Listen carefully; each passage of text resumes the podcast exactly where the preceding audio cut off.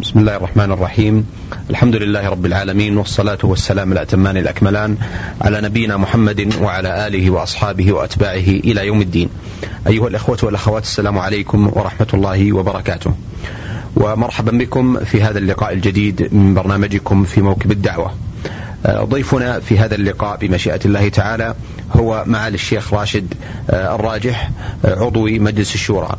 وباسمكم جميعا في مطلع هذا اللقاء أرفع جزيل شكري وتقديري لمعالي الشيخ راشد على اتاحته هذه الفرصة لهذا اللقاء الذي نسأل الله سبحانه وتعالى فيه الفائدة والنفع للجميع. حياكم الله معالي الشيخ. شكرا اخو محمد حياك الله وحيا الله المستمعين الكرام. معالي الشيخ في الحقيقة اعتدنا مع الإخوة من المستمعين والمستمعات في مثل هذه اللقاءات. أن نبدأ بالبداية الأولى لضيفنا الكريم. حبذا ولو تفضلتم ببيان لمولدكم ونشأتكم أين كانت مال الشيخ. شكرا. أما تاريخ المولد فهذا سر. أما المكان فقد ولدت في محافظة تربة بمنطقة أمارة مكة المكرمة وهي بلدة معروفة مشهورة بالفواكه والنخيل والمياه المتدفقة وهي من أكبر محافظات المملكة العربية السعودية. نشأت ولدت ونشأت فيها وتربيت في تلك البقاع الطيبة. نشقت هواءها وشربت ماءها وأكلت من خيراتها بفضل الله وتوفيقه. هذه هي النشأة ودرست فيها حتى السنة الخامسة أعني انتهاء انتهيت من السنة الرابعة ابتدائي ثم انتقلت إلى الطائف وواصلت تعليمي في الطائف في الابتدائية والمتوسطة والثانوية بدار التوحيد ومن ثم التحقت بكلية الشريعة بمكة المكرمة أقدم كلية في المملكة العربية السعودية التي أنشأها جلالة الملك عبد العزيز طيب الله ثراه وتخرجت فيها في قسم الشريعة. ثم بعد ذلك التحقت البعثات الخارجية حيث لم يكن آنذاك هناك مكان لمواصلة الدراسات العليا وحصلت على درجة الدكتوراه من جامعة كامبريدج في بريطانيا وعدت بعد ذلك إلى المملكة. يؤدي الواجب لديني ووطني وبلادي والحمد لله بدأت مدرسا أو أستاذا مساعدا في كلية الشريعة ثم عميدا للكلية ثم مشرفا على فرع الجامعة. بمكة المكرمة حيث كانت آنذاك جامعة الملك عبد العزيز قبل إنشاء جامعة أم القرى ثم تشرفت بتعييني وكيلا لجامعة أم القرى بعد إنشائها فمديرا لها حوالي 16 سنة. ثم بعد ذلك ولله الحمد يعني عينت في مجلس الشورى ومع ذلك أعمل رئيسا لمجلس إدارة نادي مكة الثقافي الأدبي. وعضو في كثير من الجمعيات واللجان أثابكم الله معالي الشيخ. بودنا أن, أن, أن نتبين من معالي الشيخ راشد بن راجح الشريف بعض الشخصيات التي كان لها تأثير في حياته ومسيرته العلمية والدعوية. هل هناك شخصيات متميزة صار لها أثر وبصمات واضحة في مسيرتكم معالي الشيخ؟ نعم. كما ذكرت بداية دراستي كانت في مدينة تربة على يد أستاذي وشيخي الشيخ عبد المحسن بن زيد الحسين يرحمه الله. فقد قرأت على يديه القرآن الكريم ودرست التوحيد والفقه وبعض الدراسات اللغوية. ثم بعد انتقالي إلى الطائف درست على يد الشيخ محمد نصر زيدان أحد أساتذة الأزهر الشريف. وكان متقاعدا في بلده وعين مدرسا في مدرسة العزيزية الابتدائية بالطائف فقرأت على يديه. خارج الفصل صح التعبير وأيضا درست على يد الشيخ أحمد المغربي يرحمه الله من كبار علماء المملكة. كان إماما لمسجد ابن عقيل في الطائف. درست على يديه الفرائض واللغة والحديث وبعض علوم الشريعة واللغة. ودرست أيضا تجويد القرآن على الشيخ محمد المنصوري يرحمه الله وعلى الشيخ باغازي. آه هذا بجانب الدراسات الرسمية في دار التوحيد وكان من أهم أساتذتي بالدار آه الشيخ أحمد عبد السلام يرحمه الله والشيخ مصطفى عليوة وغيرهم الشيخ البهنساوي مجموعة من المشايخ الأزاهرة الذين كانوا بدار التوحيد ثم بكلية الشريعة بمكة مكرمة أيضا أساتذة آه، معظمهم من الأزهر الشريف. هؤلاء جميعا أثروا في مسيرة حياتي وفي توجهي إلى الدراسات الشرعية. ومع أني حصلت في الدكتوراه آه، على الدكتوراه في اللغة العربية لكن أساسا تخصصي في الشريعة الإسلامية. وكل من ذكرت أثروا في توجهي وفي دراستي. والحمد لله الآن أنا عضو في لجنة الدعوة والإرشاد في وزارة الشؤون الإسلامية. والدعوة وزارة الشؤون الإسلامية والأوقاف والدعوة والإرشاد. وأيضا آه، هناك بعض اللجان التي أتشرف بالانتماء إليها في مجال الدعوة والإرشاد والأعمال الخيرية. أثابكم الله معالي الدكتور. في الحقيقة أيضا قبل أن ننتقل من هذه النقطة لا بد وأن هناك عدد من الزملاء الذين رافقوكم في مسيرتكم سواء كانت في البداية الأولى في تربة أو في الطائف أو في كلية الشريعة. هل تذكرون بعض هذه الأسماء التي لازمتكم مع الشيخ؟ نعم هناك عدد كبير من زملاء الدراسة من الصعب أن نحيط بهم علما. ولكن آه، ما لا يدرك كله لا يترك كله من أهمهم ومن آه، الذين صحبوني من الابتدائي حتى الجامعة. آه، الدكتور حميدان بن عبد الله الحميدان والأستاذ عبد الله بن فراج الشريف والأستاذ سليمان عبد الهادي والدكتور حمد العرينان والدكتور سليمان الغنام والدكتور فيصل السعد. بعضهم في آخر المراحل تزاملت معهم وبعضهم في بدايتها والأستاذ أحمد الشافي وأيضا من الزملاء الكرام الذين تزاملت معهم أيضا في الابتدائي الأستاذ سلطان بن خشمان الأستاذ سلطان الزبيري وفي الجامعة الأخ صالح الشنيبر وأيضا آه، مجموعة من الإخوان من الصعب جدا أن ألم بهم فقد كانت الدفعة التي كنت فيها في كلية الشريعة فوق الثمانين طالبا. ولكن كلهم ولله الحمد من خيرة الزملاء ومن خيرة الشباب وليعذروني إن لم أذكر أسماءهم فمن الصعب جدا أن أذكرها جميعا. ولكن لهم في قلبي منزلة وأحتفظ لهم بالذكرى الطيبة ذكرى زمالة طلب العلم. نعم. أه، معالي الدكتور أه، أه، بدنا نتعرف على سنة التخرج من كلية الشريعة. 85 86 1385 1386 تخرجت في كلية الشريعة من قسم الشريعة آه، وكانت تلك الدفعة هي أكبر دفعة من دفعات كلية الشريعة. تفضلتم في بداية الحديث عن دراستكم تحدثتم عن كلية الشريعة وأنها الكلية الأم لجامعات المملكة كلها وأنها أول كلية افتتحت من قبل آه، الملك عبد العزيز رحمه الله وطيب الله ثراه. هذه الكلية التي خرجت أجيالا عديدة من علمائنا ومشايخنا وأساتذتنا الكرام. آه، ما هي الانطباعات التي يحملها معالي الدكتور راشد عن هذه الكلية؟ بعد هذا العمر المديد الذي قطعته. والله يا أخ محمد ونحن نحتفل بذكرى آه، يعني مضي مئة سنة على قيام المملكة العربية السعودية على يد الباني المؤسس الموحد جلالة الملك عبد العزيز آل سعود يرحمه الله. آه، جدير بالذكر أن نشير إلى إنجازاته في مجال التعليم. فكلية الشريعة هي من أكبر إن لم تكن أكبر إنجازات المملكة العربية السعودية في مجال التعليم العالي أو الجامعي. فهي نشأت بأمر من جلالة الملك عبد العزيز رحمه الله سنة 1369 تجاوزت الآن خمسين سنة من عمرها المديد وقد خرجت عددا كبيرا من الدعاة والقضاة والمعلمين والمربين والموجهين والمشرفين سواء في مجال القضاء أو في مجال الدعوة أو في مجال الخطابة. أو في مجال التدريس أو غير ذلك. فهي كلية جامعة حقيقة وكان الملك عبد العزيز رحمه الله مهتما بهذا الجانب. عندما أنشئت الكلية درسوا فيها الدراسات الشرعية وتخرج عدد كبير من أبناء هذه الكلية. من أهمهم الشيخ حسن بن عبد الله الشيخ رحمه الله وزير المعارف ووزير التعليم العالي والشيخ محمد بن قبيل رئيس مجلس الشورى والشيخ عبد الله البسام رئيس هيئة التمييز. سابقا وغيرهم وغيرهم كثير.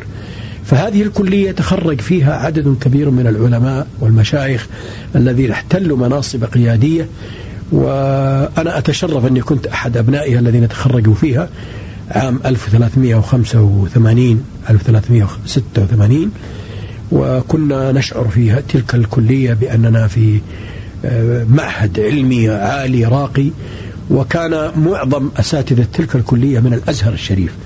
فهي أزهر مصغر كما كنا نسميها وكانت تدرس فيها المواد الشرعية والعربية. ندرس الفقه وأصوله ندرس التفسير وعلومه ندرس الحديث ومصطلحه آه، ندرس المواريث ندرس ابن عقيل في النحو الورقات ندرس عدد كبير من المواد حتى المواد الاجتماعية والجغرافية والتاريخية بخاصة التاريخ الإسلامي. وأنت تعلم أنه تحول اسمها إلى كلية الشريعة والدراسات الإسلامية. وفي يوم من الأيام سميت كلية الشريعة والتربية قبل أن, أن تقوم كلية التربية بجانبها في مكة المكرمة.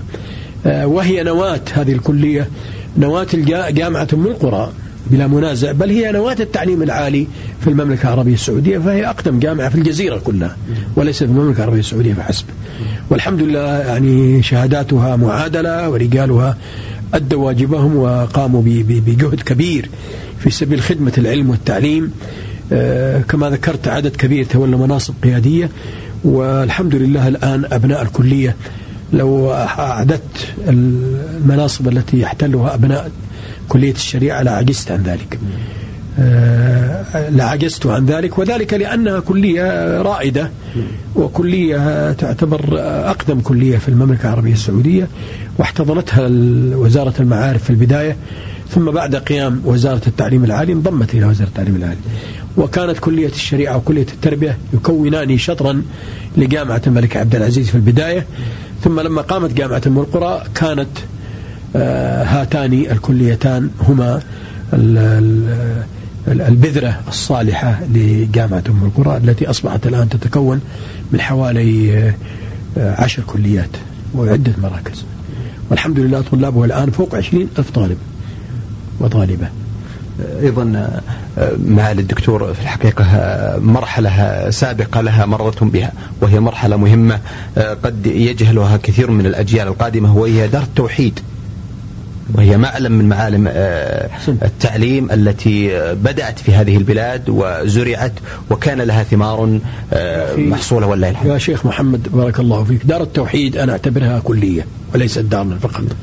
دار التوحيد انشئت في الطائف بالقرب من مكة المكرمة وهي التي كانت تغذي كلية الشريعة بالطلاب بجانب المعهد العلمي السعودي في مكة المكرمة. هذه الدار كانت ولله الحمد يعني من من أكبر المعاهد الإسلامية. وكان يدرس فيها مشايخ من الأزهر ومن المملكة. وكان منهجها وبرنامجها يساوي منهج كلية الشريعة في الوقت الحاضر. ومع الأسف الشديد أن مناهجها الآن ضعفت. ولي رجاء كبير إلى معالي وزير المعارف أن يعطيها اهتماما خاصا وأن يعيد إليها منهجها أو مناهجها التي كانت بها سابقا ولا مانع في يعني في التعليم أن يكون هناك معاهد خاصة تختص ببعض أو تركز على بعض المواد العلمية. ودار التوحيد هي دار أو معهد علمي شرعي. وكانت تلقى دعما خاصا من ولاة الأمر من الملك عبد العزيز وهو الذي أمر بإنشائها. وكلف الشيخ محمد بن مانع الله يرحمه بكلية الشريعة وبدار التوحيد. وكانت المناهج تقريبا متساوية أو متقاربة. وكنا في دار التوحيد لنا يوم يوم نسميه يوم ثقافي. يوما ثقافيا نسميه يوما ثقافيا ونسميه منتدى دار التوحيد. نجتمع مساء كل يوم خميس. ويتسابق طلاب الدار في إلقاء قصائد في إلقاء كلمات في محاورة مساجلة شعرية تحت إشراف أساتذتنا وكان أمير الطائف آنذاك آه، آه، الشيخ عبد العزيز بن معمر يرحمه الله كان يحضر هذه المناسبات مشجعا. وكان قضاة الطائف أيضا بعضهم متخرج من دار التوحيد يأتون إلى نشاطات الدار ويشجعون. وكانت في المسابقات لها دائما قصب السبق سواء كانت مسابقات آه، ثقافية أو حتى رياضية. أذكر أن طلاب دار التوحيد كانوا يتنافسون مع الثانوية في في الطائف في في سبيل يعني المناقشات أو في سبيل المسابقات الرياضية. وفي نفس الوقت كانت المدرسة النموذجية بالطائف آنذاك وكان بينها وبين طلاب دار التوحيد بعض اللقاءات الثقافية وشيء من هذا القبيل. فهي دار حية دار لها نشاط كبير وكانت سابقا على مستوى واحد. تبدأ من أولى متوسط حتى خامسة دار التوحيد نسميها. خمس سنوات على الدراسه أو المنهج القديم. ثم الآن فصلت إلى مدرستين مدرسة دار التوحيد المتوسطة ومدرسة دار التوحيد الثانوية. وعودا إلى ما ذكرته سابقا أنه ربما كان المسؤولون أرادوا بها خيرا فقالوا يعني تكون كبقية المدارس حتى لا يجد طلابها أمامهم صعوبة في الالتحاق بالأقسام التجريبية أو العلمية كما تسمى. فلذا جعلوا منهجها نفس أو المناهج نفسها الموجودة في الثانويات. وأنا في رأيي كان من الأولى أن تبقى دار التوحيد على هويتها وعلى خصوصيتها لأنها دار أنشئت لهذا الغرض نعم. بأمر من الملك عبد العزيز رحمه الله. وفي الاحتفال بمرور خمسين سنة, سنة قبل بضع سنوات في الطائف طرح هذا الاقتراح على المسؤولين الذين رتبوا الحفل. ونال إعجابهم وأعتقد أنه في طريقه إلى إن شاء الله البروز لكي تبقى دار التوحيد آه، مثل المعاهد العلمية آه، التابعة لجامعة الإمام آه، الإسلامية الجامعة الشقيقة كنا نتمنى أن يتبع جامعة أم القرى وهي جامعة إسلامية شرعية أن يتبعها بارك الله فيك والمستمعين أن يتبعها معاهد نعم. دينية هذا يسهل ويعين الطالب الذي يلتحق بالأقسام الشرعية سواء في كلية الشريعة بجامعة أم القرى وكلية الدعوة وصول الدين أو في غيرهما من الكليات الأخرى في الجامعات السعودية. فهذا يجد الطالب لا يفاجأ بمناهج صعبة جدا في الشريعة لأنه لم يؤسس آه، أو أرض قوية صلبة تحت قدميه في المواد الشرعية فيتعب. لكن لو درس بدار التوحيد أو في المعهد العلمي والتحق بكلية الشريعة أو بكلية الدعوة وصول الدين يجد أن هناك ترابط وهناك تواصل وهناك تتابع في المناهج وفي المستويات. أحسنتم معالي الدكتور في الحقيقة أن هذه الدعوة التي نرجو أن يكون لها قبول آه، هي دعوة آه، طيبة ومباركة لأن هذه النواة يجب أن تحفظ وأن تصان وأن يقام لها قدرها الذي أنشئت فيه ومن أجله. وهي دعوة سبق أن استضفنا الحقيقة عدد من المشايخ الفضلاء أمثالكم الذين تفضلوا بالتخرج من هذه الدار كالشيخ عبد العزيز المسند وغيره وطالبوا بمثل هذه الدعوة آه، بأن تبقى على وضعها الذي أنشئت عليه منذ أكثر من خمسين سنة. لأن لها منهج يا أخ محمد لها منهج متميز. نعم. وأذكر أننا في كلية الشريعة دائما نذكر ما درسناه في دار التوحيد. فكنا ندرس زاد المستقنع بالفقه على فكرة وندرس الروض المربع في كلية الشريعة. فالروض المربع هو شرح لزاد المستقنع. إذا القضية هي نوع من كما يقال طوبة على طوبة. نوع من من المنهج تدرج. تأسيس تدرجيا يسير تدرجا. فهذا هو الأساس أنه لو حافظ على منهجها وهو منهج قوي. ومع ذلك كنا ندرس يعني المواد الأخرى يعني ما يمنع ذلك أبدا أن تدرس بعض المواد الأخرى بقدر يعني ليست بالتوسع الذي هو في في الدراسات الشرعية والعربية. ولذا كان منهجها في العربية قوي. كما كان منهج كلية الشريعة في في اللغات في المواد العربية قوي. ولذا عندما سافرت ولم أرغب أن أواصل في الشريعة في الخارج في بريطانيا آه، وجدوا أن المواد اللي درستها في اللغة العربية تؤهل أن أواصل مستوى الدكتوراه. فلذا كانت المناهج في الشريعة أو الدراسات الشرعية والدراسات العربية قوية جدا. أحسنتم معالي الدكتور. آه، الحقيقة بودنا أن آه، أن نتعرف على جانب آخر أيضا من حياة معالي الدكتور راشد وهو أنكم آه، أحسب أنكم شخصية متميزة جمعت بين العلم الشرعي والتخصص اللغوي والعمل الإداري والميل الأدبي. وتلك قل أن تجتمع في شخصية واحدة. فنسأل الله سبحانه وتعالى أن يعينكم وأن يثيبكم وأن ينفع بكم وبعلمكم آه، الإسلام والمسلمين وأبناء هذه البلاد عموما. معالي الدكتور حقيقة كيف ترون العمل الإداري الذي وصلتموه أو عملتم به آه، في جامعة أم القرى فقط أكثر من 16 عاما وكان لكم أثر متميز على هذه الجامعة التي آه، تفضلت آه، حكومة هذه البلاد بإنشائها في هذه في هذه البقعة المباركة من بلادنا. أولا الفضل لله أولا وقبل كل شيء ثم لولاة الأمر. الذين منحوا هذه الجامعة وهي جامعة أم القرى كل عناية وتقدير. أذكر عندما تشرفت بمقابلة خادم الحرمين الشريفين وهو آنذاك وكان وليا للعهد. عندما أنشئت جامعة أم القرى وتعينت وكيلا لها فقابلت سموه الكريم آنذاك. وقدمت بعض الطلبات بتوجيه من معالي وزير التعليم العالي الشيخ حسن الله يرحمه آنذاك. آه، طلبا بإنشاء مدينة جامعية وبإنشاء كليات لأن عندما أنشئت كليات أخرى قصدي عندما أنشئت كلية الشريعة وكلية التربية ثم عندما قامت جامعة أم القرى واحتوت هاتين الكليتين ما كان من المناسب أن تبقى الجامعة على كليتين. فقابلت بطلب فتح كليات والحمد لله وجدت من منه تجاوبا كبيرا وقال إن جامعة أم القرى المفروض أن تكون أول جامعة تنشأ لأنها في بلد الله ولأنها تحتوي أقدم كلية في المملكة أنشأها الوالد جلالة الملك عبد العزيز رحمه الله. كانت هذه الكلمات دفعة قوية آه، للمسؤولين في جامعة أم القرى. وفعلا صدق وقدم لها الدعم والمساندة. وخرجت منها قبل سنيات وهي ولله الحمد من أكبر الجامعات السعودية. فوق عشرين ألف طالب وطالبة وحوالي عشر كليات و13 مركز علمي. فهذا التطور السريع جعلني عندما كنت وعندما تشرفت بإدارة جامعة أم القرى أجد الدعم والمساندة والحمد لله بتوفيق الله وبتوجيه من معالي وزير التعليم العالي سابقا الشيخ حسن ومعالي وزير التعليم العالي الدكتور خالد العنقري وجدت ولله الحمد التجاوب والتعاون والتشجيع. فصارت الجامعة أم القرى لا مؤاخذة. كانت هذه الجامعة آه، قد سارت والحمد خطا حثيثة. حتى كما ذكرت آه، ضمت حوالي عشر كليات وعدة مراكز ومعاهد. معهد تعليم اللغة العربية لغير الناطقين بها. معهد البحث العلمي وإحياء التراث الإسلامي. آه، معهد أبحاث الحج. عدة معاهد ومراكز كثيرة جدا.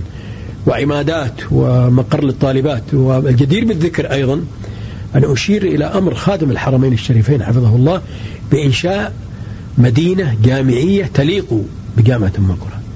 وفعلا ولله الحمد حصلنا على أرض كبيرة في بعضها في الحرم وبعضها في الحل. قريبة من من المسجد الحرام لا تبعد إلا عدة كيلوات قليلة وتقع الخط السريع بالنسبة إلى اللي طالع إلى الطائف على اليمين مقابلة لعرفات. مساحتها حوالي أربعة كيلو في أربعة كيلو. وبدأنا ولله الحمد آنذاك بإنشاء ثلاث كليات كلية الشريعة وهي الكلية الأقدم. بنيت على أحد الطراز وكلية الهندسة والعمارة الإسلامية وكلية اللغة العربية. وواصل الإخوان بعدي أيضا بناء بعض الكليات والمرافق الأخرى. فالبدايات بلا شك هي صعبة لكنها الحمد مهمة. فالحمد لله آه، في وقت إدارتي للجامعة وجدت أن أني وجدت التشجيع والمساندة من المسؤولين وما خرجت من الجامعة إلا وهي جامعة متكاملة. ثم بفضل الله ثم بفضل الله وبفضل الله. ثم بفضل دعم المسؤولين في الدولة وتعاوني مع زملائي آه، الوكلاء وعمداء الكليات ورؤساء الأقسام وأعضاء الهيئة التدريسية. وصلت الجامعة إلى ما وصلت إليه الآن وهي تشرف يزورها عدد كبير من الحجاج والمعتمرين والزوار وتوزع عليهم المطبوعات ويحضرون بعض المحاضرات وتقام فيها المناقشات وهي تمنح البكالوريوس والماجستير والدكتوراه الآن في معظم التخصصات التي هي بالجامعة فهذا فضل من الله أعتبر أثابكم الله معالي الدكتور. في الحقيقة أيضا هناك محطة أخرى أعتقد أنه آه، لا ينبغي لنا أن نتجاوزها وهي إدارتكم لنادي آه، مكة الثقافي. آه، في البدء. لماذا نادي مكة الثقافي وليس نادي مكة الأدبي؟ خليني أصحح يا أخ محمد. هو نادي مكة الثقافي الأدبي اسمه الرسمي. لكن أعتقد أنها إضافة متميزة لمكة عن غيرها من الأندية. لا حتى نادي جدة اسمه نادي ثقافي. نادي جدة يسمى نادي جدة الثقافي الأدبي أيضا. هل هذه التسمية والسبب أنا أعطيك طال عمرك فكرة أذكر عندما اجتمعنا في منزل الشيخ حسين عرب مد الله في عمره في أظن عام 1395 تقريبا قبل حوالي ربع قرن اجتمع عدد كبير من المثقفين والأدباء في بيت الشيخ حسين وكان يحضرنا أخ أظن اسمه أحمد عقيلان فيما أذكر أحمد فرح عقيلان مندوبا من سمو رحمه الله مندوبا من سمو الأمير فيصل بن فهد بن عبد العزيز الرئيس العام لرعاية الشباب للتباحث حول إنشاء نادي ثقافي أدبي في مكة. فدار النقاش وكان بعض الحاضرين مجالهم غير أدبي ولكن عندهم وعي وعندهم ثقافة وعندهم فكر. فتم التفاهم والمناقشة على أن يكون ناديا آه، حاويا للأدب والثقافة باعتبار الثقافة في رأي البعض. يعني أوسع وأشمل. فاتفق على أن يكون اسم النادي نادي مكة الثقافي الأدبي ولذا سمي بهذا الاسم. ولذا تجد إذا كان سعادتكم المشاهدين الكرام يتابعون نشاطات النادي المتواضعة أن نشاطه المنبري لا يقتصر على الجوانب الأدبية شعرا ونثرا ولكنه يعني يضم أيضا تخصصات أخرى. فتجد المحاضرات والحوارات والنقاشات في ميدان الأدب شعرا ونثرا القصة الرواية أيضا في ميدان العلوم الشرعية في ميدان التاريخ الإسلامي وأيضا في ميدان الطب حتى توعية للمجتمع وفي ميدان أيضا الهندسة العمارة الإسلامية وما يتعلق بها في عدة جوانب التربية. فهو نادي شامل عام ثقافي فعلا. فلذا تجد أننا لا نشكو من قلة الجمهور. يحضر الأدباء ويحضر المفكرون والأطباء والمهندسون والمشايخ وعدد كبير شرائح مختلفة من المجتمع متجانسة. فهذا ال ال هذا أعطى نادي مكة خصوصية ونكهة خاصة. ففعلا هو نادي ثقافي أدبي وليس معنى ذلك أن نهمل الأدب الذي هو الأساس.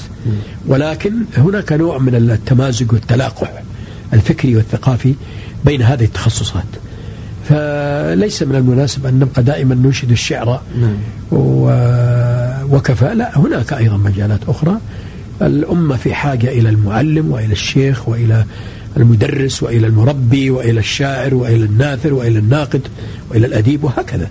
فالتكامل بين هذه الشرائح وأيضا الأجناس الأدبية يكون فيه نوع من التنويع. والتنويع مشوق خاصة نحن في عصر ما نقول الفعولمة كما يقال لكن عصر العموميات أو بمعنى آخر لا بد أن تلبي حاجات المجتمع وأن تساير الوضع مع احتفاظك بخصوصيتك وهويتك الخاصة.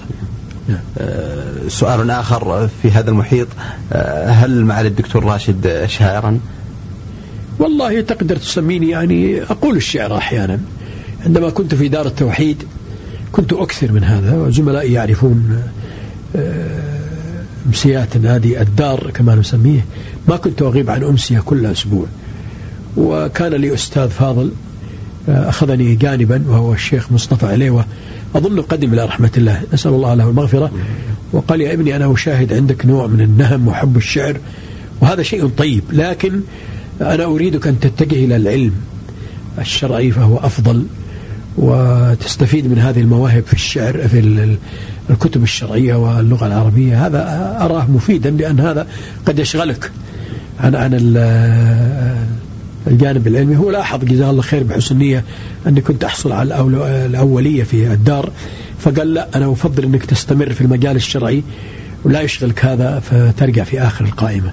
وكانت نصيحته يعني وجدت صدى طيبا في نفسي. فأنا متجه إلى الجوانب العلمية لكني أحيانا أدندن أدندن ببعض الأبيات في المناسبات الخاصة نعم هل يمكن أن نسمع شيء الآن مع الدكتور؟ صعب الآن أني أتذكر تلك الأبيات لكن وعلى فكرة أنا أقول الشعر الفصيح والشعر العامي لعلمك يعني لكني أشجع الفصيح أكثر لأنه يقال بلغة القرآن الكريم وأذكر في يعني لا يسمى شعرا ولكنه يمكن يسمى نظما. كنا في آخر سنوات الدار لنا أستاذ اسمه أحمد عبد السلام يرحمه الله وضعوا لنا أسئلة. كان ذاك الوقت الطباعة دي صعبة فأكتبها بخط اليد على السبورة. فأناب الدكتور أحمد عبد السلام باعتبار إحنا عددنا كبير من الدار حوالي 87 طالب في سنة خامسة دار التوحيد. فأناب الدكتور عبد التواب عوض الله يشفيه. أنابه أن أن يكتب الأسئلة. فكتب الأسئلة وبعدين قال زن الكلمات الآتية وزنا صرفيا. فذكر مجموعة من الألفاظ أو من الكلمات وذكر آخرها أجب. لما كتب أجب كتب كلمة أجب من أول السبورة إلى آخرها. فظننت أنه لا يقصد أن نأتي بوزن فعل أجب. يعني بزينة أفل كما تعرف محذوف العين. لكن ظننت أنه يريد أجب عن الأسئلة الماضية. وكان المقصود أن نزن هذا الفعل. فبعد خروج النتيجة وجدت أني نقصت علامة واحدة عن العلامة الكاملة. فقابلت أستاذنا قلت أنا أذكر أني أجبت سليما. قال زن فعل أجب. قلت أفل. قال لي ما قلت في الأسئلة؟ فقلت والله ما ما كان مطلوبا. قال لا مطلوب. قلت لا تعال. أخذته بيده ودخلنا الفصل من حسن الحظ أن الأسئلة ما زالت مكتوبة ولم تنسح. قلت انظر أجب هذه فهمت أن أجب عما مضى يعني. قال فعلا في شبهة لكن ما أقدر أعدل النتيجة. فقلت بويتات يعني نظم وليس شعرا. قلت إيش؟ قالوا أجب فأجبت السؤال في ثقة من صحة الحل تدقيقا وتبيانا. قابلت أستاذنا المفضال مبتسما ما كنت آمن ما قد صار أو كان. فقال فعل أجب ما وزنه فأجب. فقلت ذاك أفل هل كنت غلطانا فقال أنسيته في, في الحل وقتئذ فقلت ما كان والرحمن نسيانا.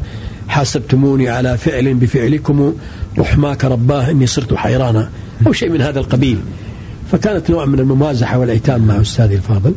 هناك أبيات أخرى يعني آه، ما أقول غزلية لكنها أيها البدر تمهل.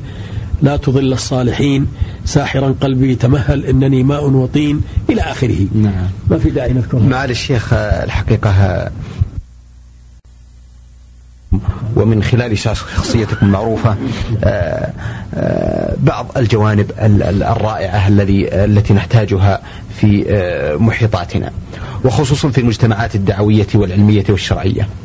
وهناك قد أسميه بعض القصور أو الخلل الذي يغشى بعض المنتسبين إلى العلم والدعوة وذلك من قلة اهتمامهم ببعض الجوانب التكاملية التي يحتاجها العالم الشرعي أو الداعية من عدم اهتمامه ببعض الجوانب الثقافية أو الأدبية أو بالأحرى أيضا قلة مشاركاته. في خدمة هذه البلاد آه، وفي خدمة أبنائها وفي خدمة مجتمعه وفي خدمة المسلمين في كل مكان. آه، ألا ترون أن مثل هذه الجوانب أو جوانب النقص هذه تحتاج إلى توجيه؟ للأجيال القادمة والمتخصصة من ناشئتنا وأبنائنا وشبابنا في العلوم الشرعية والدعوية والذين ينبغي لهم أن يهتموا بتلك الجوانب الأخرى وأن يكون لهم مساهمة فاعلة لا سيما وأن المجالات والأبواب كلها مشرعة ومفتوحة للمشاركة والخدمة في أي ميدان آه، يجد أنه آه، يستطيع أن يخدم فيه. أحسنت يا أخي محمد هذا سؤال مهم جدا. يا أخي إذا كانوا يقولون أننا في زمن التخصص فالتخصص في فهمي لا يعني أن يبقى الإنسان محصورا في مادة معينة إذا خرجت درجتين عن هذا التخصص آه، ضعت أو تهت. لا لا بد من المشاركة. ولا يمكن لإنسان أن يلم آه، أو يحيط علما لا يمكن له أن يحيط علما بكل الفنون. آه، إنما العلم كبحر زاخر فاتخذ من كل شيء أحسنه. ما حول العلم امرؤ مارسه لا, لا ولو مارسه ألف سنة.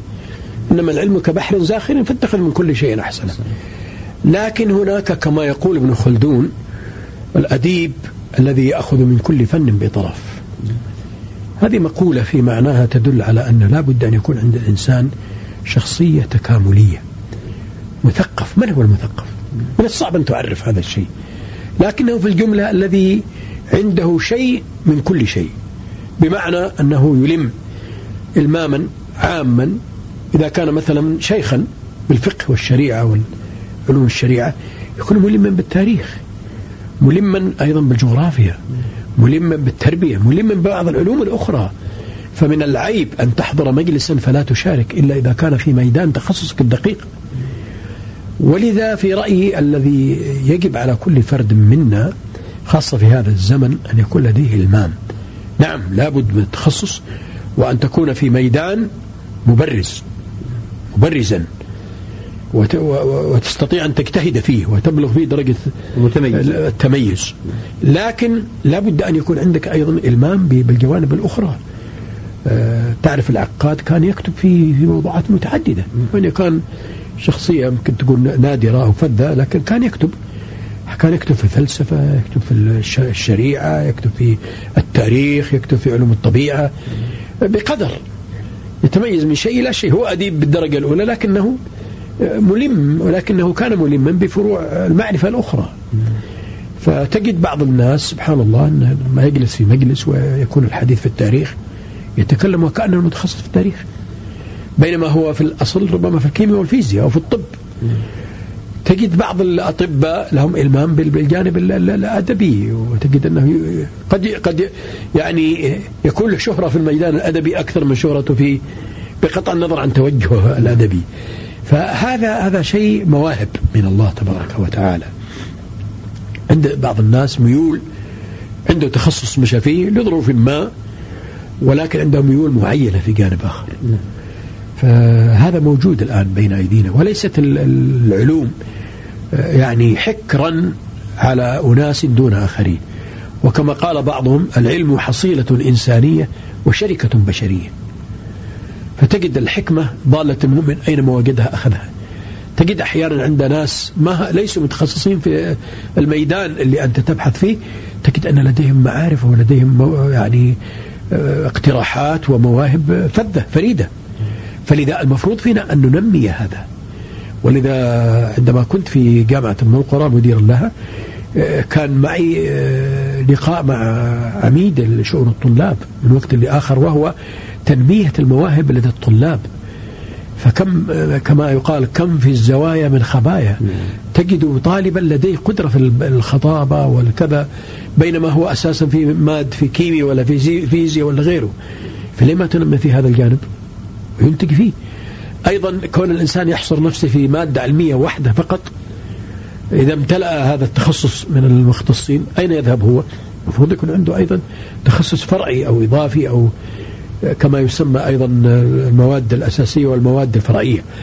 فهذا يا أخ محمد واجب. نحن الآن كما يقولون نعيش في عصر العولمة. الآن نحن نغزى عن طريق الاقتصاد عن طريق القنوات الفضائية عن طريق الجرائد عن طريق المجلات. فما لم نحصن أبناءنا ونستغل الوقت فيما ينفعهم. ضاعت منا. يعني ضاعت الطاسة كما يقال. لكن إذا استغللنا الوقت الوقت الحر وجهناه إلى عمل أدبي وجهناه إلى نوع من الأعمال المفيدة. على سبيل المثال في نادي مكة الثقافي الأدبي آه، أنشئ منتدى المنتدى الأدبي. نعم. هذا المنتدى الأدبي جزء من النادي الأدبي بمعنى آه، يؤتى بالطلاب بالثانويات ودار التوحيد من جدة من مكة من الطائف وتنمى فيهم بعض المواهب الخطابية كتابة القصة إلقاء الشعر آه، وشيء من هذا القبيل. فوجدنا فيه مجموعة من الشباب كانوا مكبوتين صح التعبير عنده موهبة. اكشف هذه الموهبة. فهذا الكشف قد يؤدي إلى الرجل يغير مجرى حياته. ما دام وجد فرصة أمامه.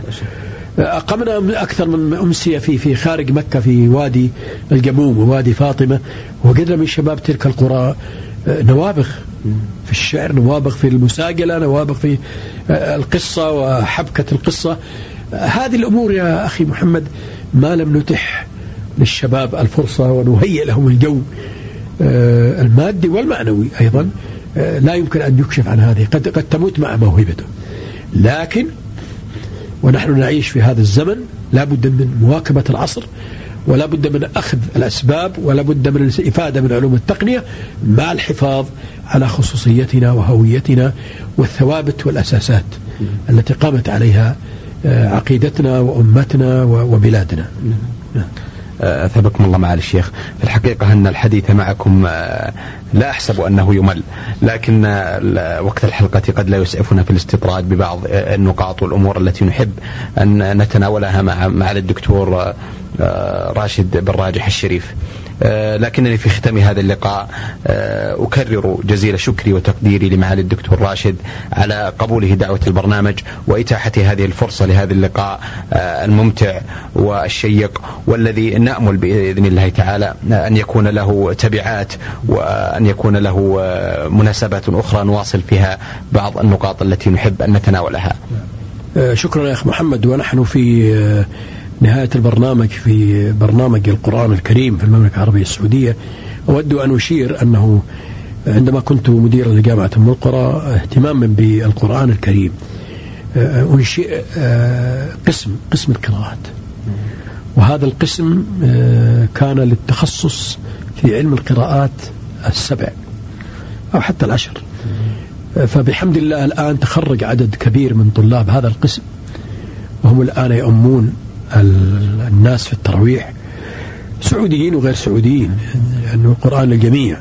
والحمد لله في نادي مكة الثقافي الأدبي كل شهر رمضان يقام احتفال آه، بمناسبة تكريم حفظة القرآن الكريم في نادي مكة الثقافي الأدبي تحت إشراف آه، صاحب السمو الملك الأمير سعود بن عبد المحسن نائب أمير منطقة مكة المكرمة ويقدم للطلاب المتسابقين جوائز آه، رمزية وهذا اهتمام آه، أو بعض اهتمام الدولة حفظها الله بالقرآن الكريم وتعليمه والتشجيع عليه.